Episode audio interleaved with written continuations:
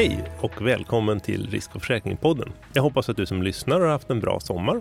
Jag som pratar här heter Georg Ebert och är redaktör för Risk och försäkring. Och nu när det har börjat bli höst så kör vi förstås igång med poddandet igen efter sommaruppehållet. Och först ut är Länsförsäkringar ABs VD och koncernchef Mattias Collén.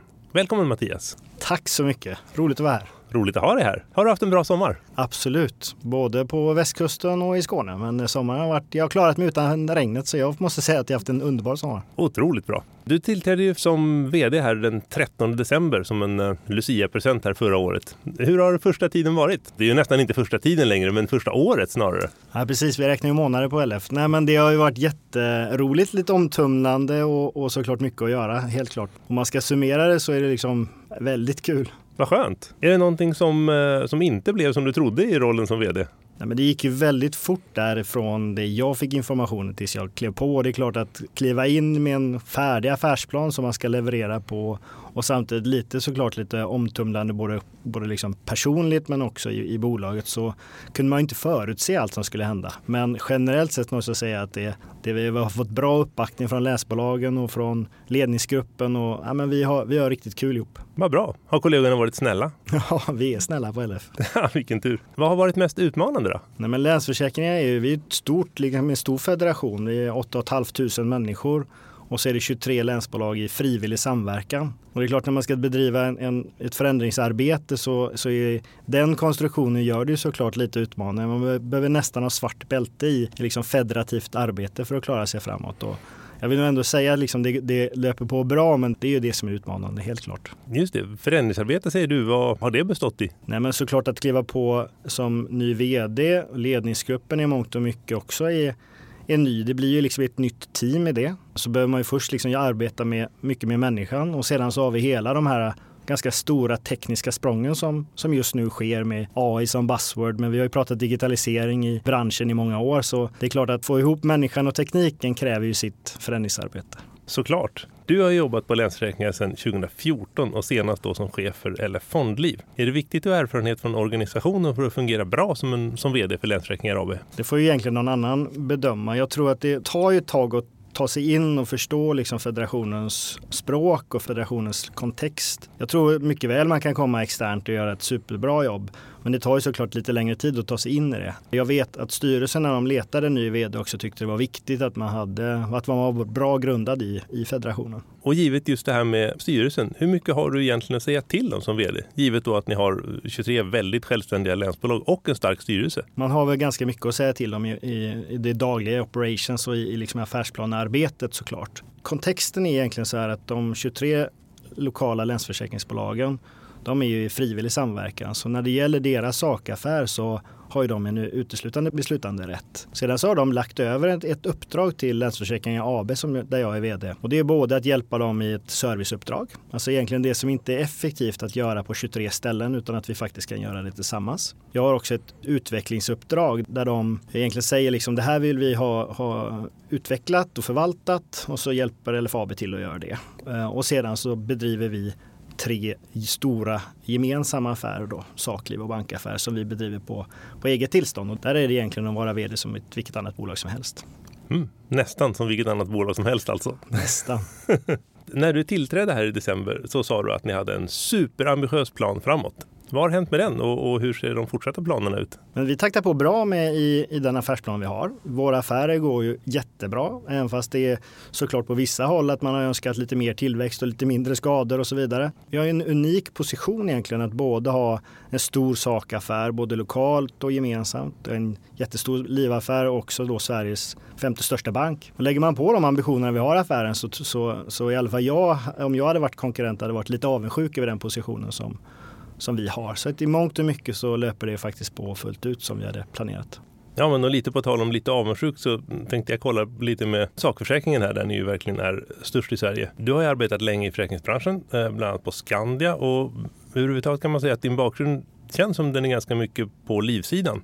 Medan ni är ju då störst på sak. Eh, hur bra koll hade du på sakförsäkringen innan du hoppade in här? Ja, men, det är klart att jag har bättre koll på livsidan men under de fem åren jag var chef för affärsområde och företag på Länsförsäkringar Stockholm så, så ingick sakaffären i mitt ansvar. Så man kan väl i alla fall säga att om min 20-åriga karriär så var fem år ganska saktung så jag måste väl ändå säga att man hade rätt bra koll på det också. Ah, vilken tur. Sen måste jag fråga om det som har varit eh, förra veckan, då, snackis kanske, namnbytet från Länsförsäkringar till LF. Hur kom ni på den idén? Är det, är det din helt egen idé som du har kläckt? Eller hur? Nej, men det var väl det var kul att det inte var någon som hade fångat upp det innan för det här är ju ett projekt som ett strategiskt projekt som har pågått i federationen under flera år faktiskt då jag kan väl säga att jag, jag, själv var lite lättare att vi inte kom på någonting annat än just LF. Det, kän, det känns tryggt och bra. Vi har ju nyttjat den ganska, ganska länge fast vi inte liksom har varit officiella med det då. Just det, och, och, såklart så förstår jag att det här inte kom över en natt. Men, men hur, hur har reaktionerna annars varit ute i länsbolagen? Alltså länsbolagen har varit med i det här fullt ut. Så att, eh, det har varit bra reaktioner. Vi har ju testat det här då. Skåne var ju först ut i, i somras med det och har egentligen fått antingen positiva eller helt neutrala reaktioner från kunderna. Och nu har några fler länsbolag klivit på. Det här kommer ske i successiv takt, precis som det brukar göra för oss. Då. Eh, och eh, Just nu är det tre bolag som inte har fattat beslut på att gå över till LF, det kommunikativa namnet. Vi heter ju fortfarande Länsförsäkringar i grunden. Mm. Men hur ser ni på det, att det är tre som väljer att avstå tills vidare? Det är så det funkar hos oss. Det är liksom frivillig samverkan och man tar lokala beslut och, och det, så ser det ut på ganska många områden. Både liksom när man tittar självrisker eller man tittar hur vi väljer att kommunicera både taktiskt och strategiskt. Då. Mm. Så det kan egentligen ramla på hur länge som helst och de bara fortsätter heta Länsförsäkringar och resten av gruppen kallar sig för LF? Precis så.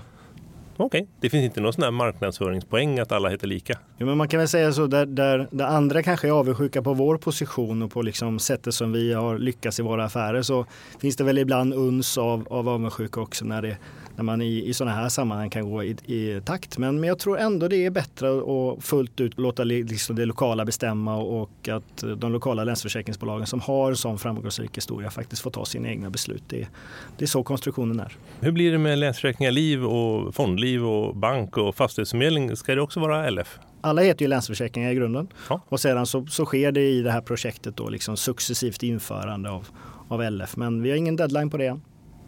Okej, okay. om man ser eh, sakförsäkringsmarknaden i stort, är det någon trend du ser så här som du skulle vilja, så här, eftersom ni ändå faktiskt är störst och har eh, rimligtvis ganska bra koll på försäkringar över hela landet? Självklart så om man rör sig till de här stora trenderna så, så ser vi liksom digitalisering och AI och ny teknik kommer komma in och påverka branschen.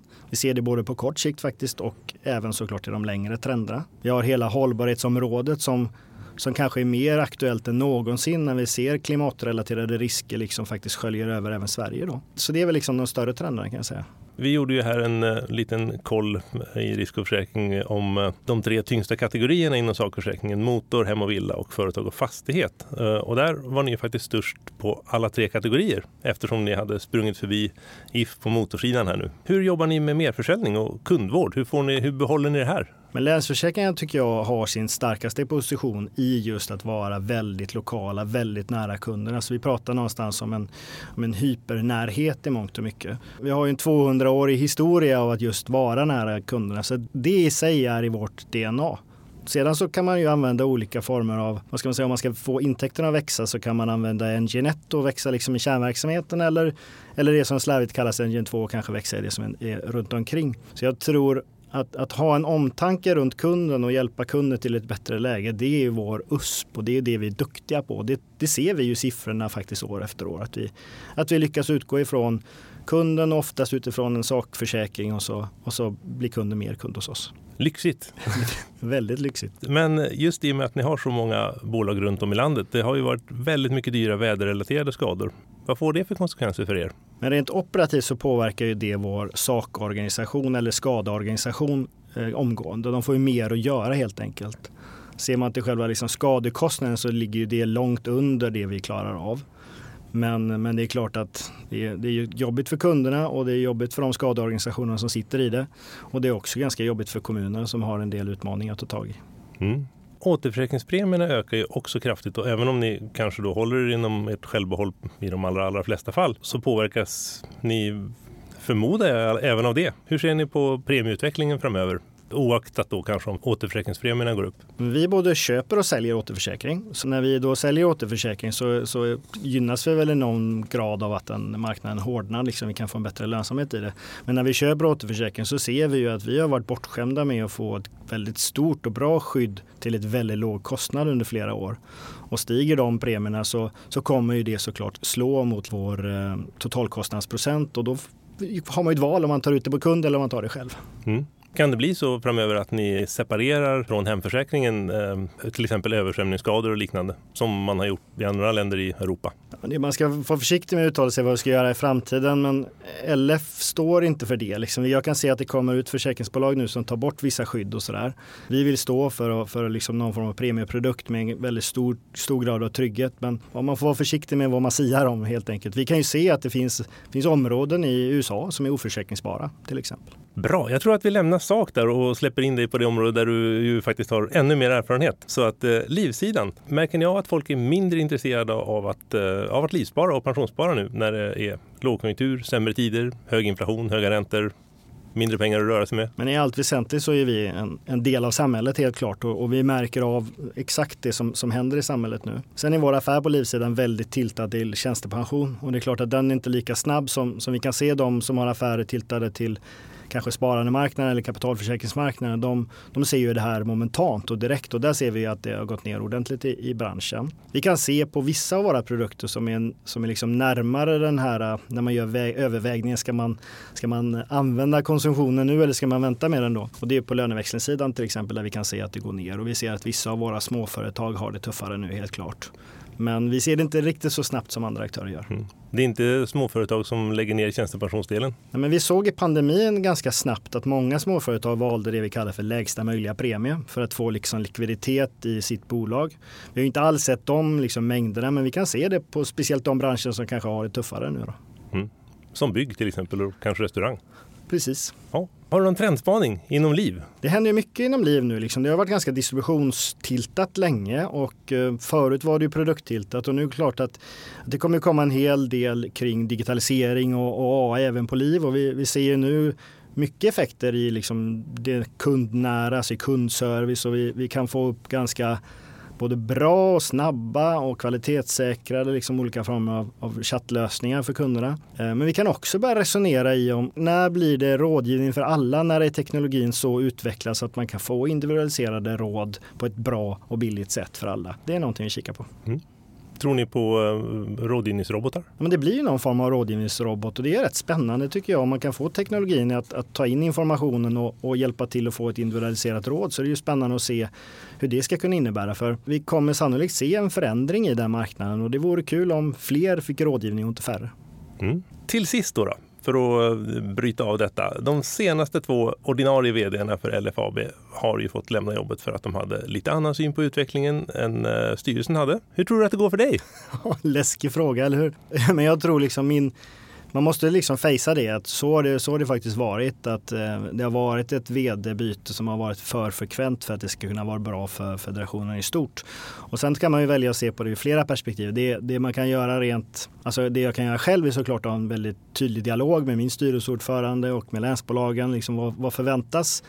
Eh, och eh, hur går det och sådär. Men sen samtidigt så landar en hel del ner på mig själv och, och, och jag har ett val att göra. Liksom. Ska jag vara, gå runt och vara liksom rädd och försiktig eller ska jag liksom agera på det jag tror? Och då har jag valt det sistnämnda med egentligen med summeringen. Liksom. Jag är 42 år. Jag, det är lika bra att testa att köra sådär så, så bra som bara möjligt är och det är också därför jag har fått det här jobbet. Så du förväntas sticka ut lite grann? Jag tror att för att leverera på den affärsplan vi har så behöver, behöver vi agera lite annorlunda än vad vi har gjort historiskt. Vi, och, och jag kan också se med de affärsplanerna och de idéerna vi har framöver att vi kommer nog sannolikt få se ett, eh, ett litet mer spetsigare LF. Jag hoppas det. Mm. Kul! Kan du säga på vilket sätt det kommer att bli spetsigare? Den ger jag dig inte. jag vore inte journalist om jag inte frågar, eller hur? Men du, jag tror nästan att det där får räcka för idag. Stort tack för att du vill vara med i Risk och försäkringspodden och eh, lycka till framöver. Ja, men stort tack, jättekul att vara här. Vad bra. Och eh, tack säger jag då också till er som har lyssnat. Nästa avsnitt av podden kommer i oktober. Jag heter Georg Ebert, producent var Julia Siverts, ansvarig utgivare är Peter Fällman och Risk och försäkringspodden görs av Bonnie News och Dagens Industri. På återhörande.